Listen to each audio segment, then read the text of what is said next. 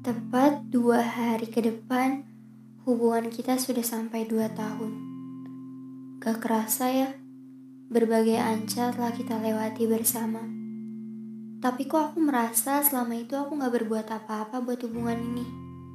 Hanya menyandang status sebagai pacarmu. Aku merasa kamu yang berjuang buat mempertahankan hubungan yang bahkan nyaris usai. Aku merasa egois, maunya menang sendiri gak mau ribet.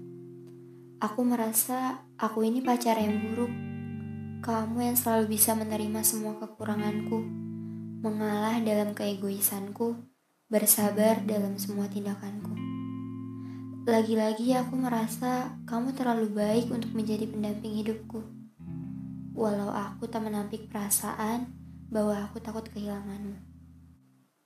Terkadang aku merasa insecure pada dia Gadis manis yang menyukaimu, tapi ditolak secara tegas dengan kalimat aku miliknya, dengan tangan yang saling bertautan di jari-jari kecilku.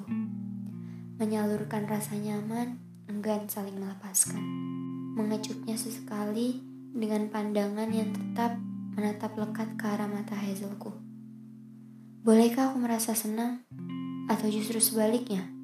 Ketika lagi-lagi logika itu muncul, bahwa aku pacar yang buruk.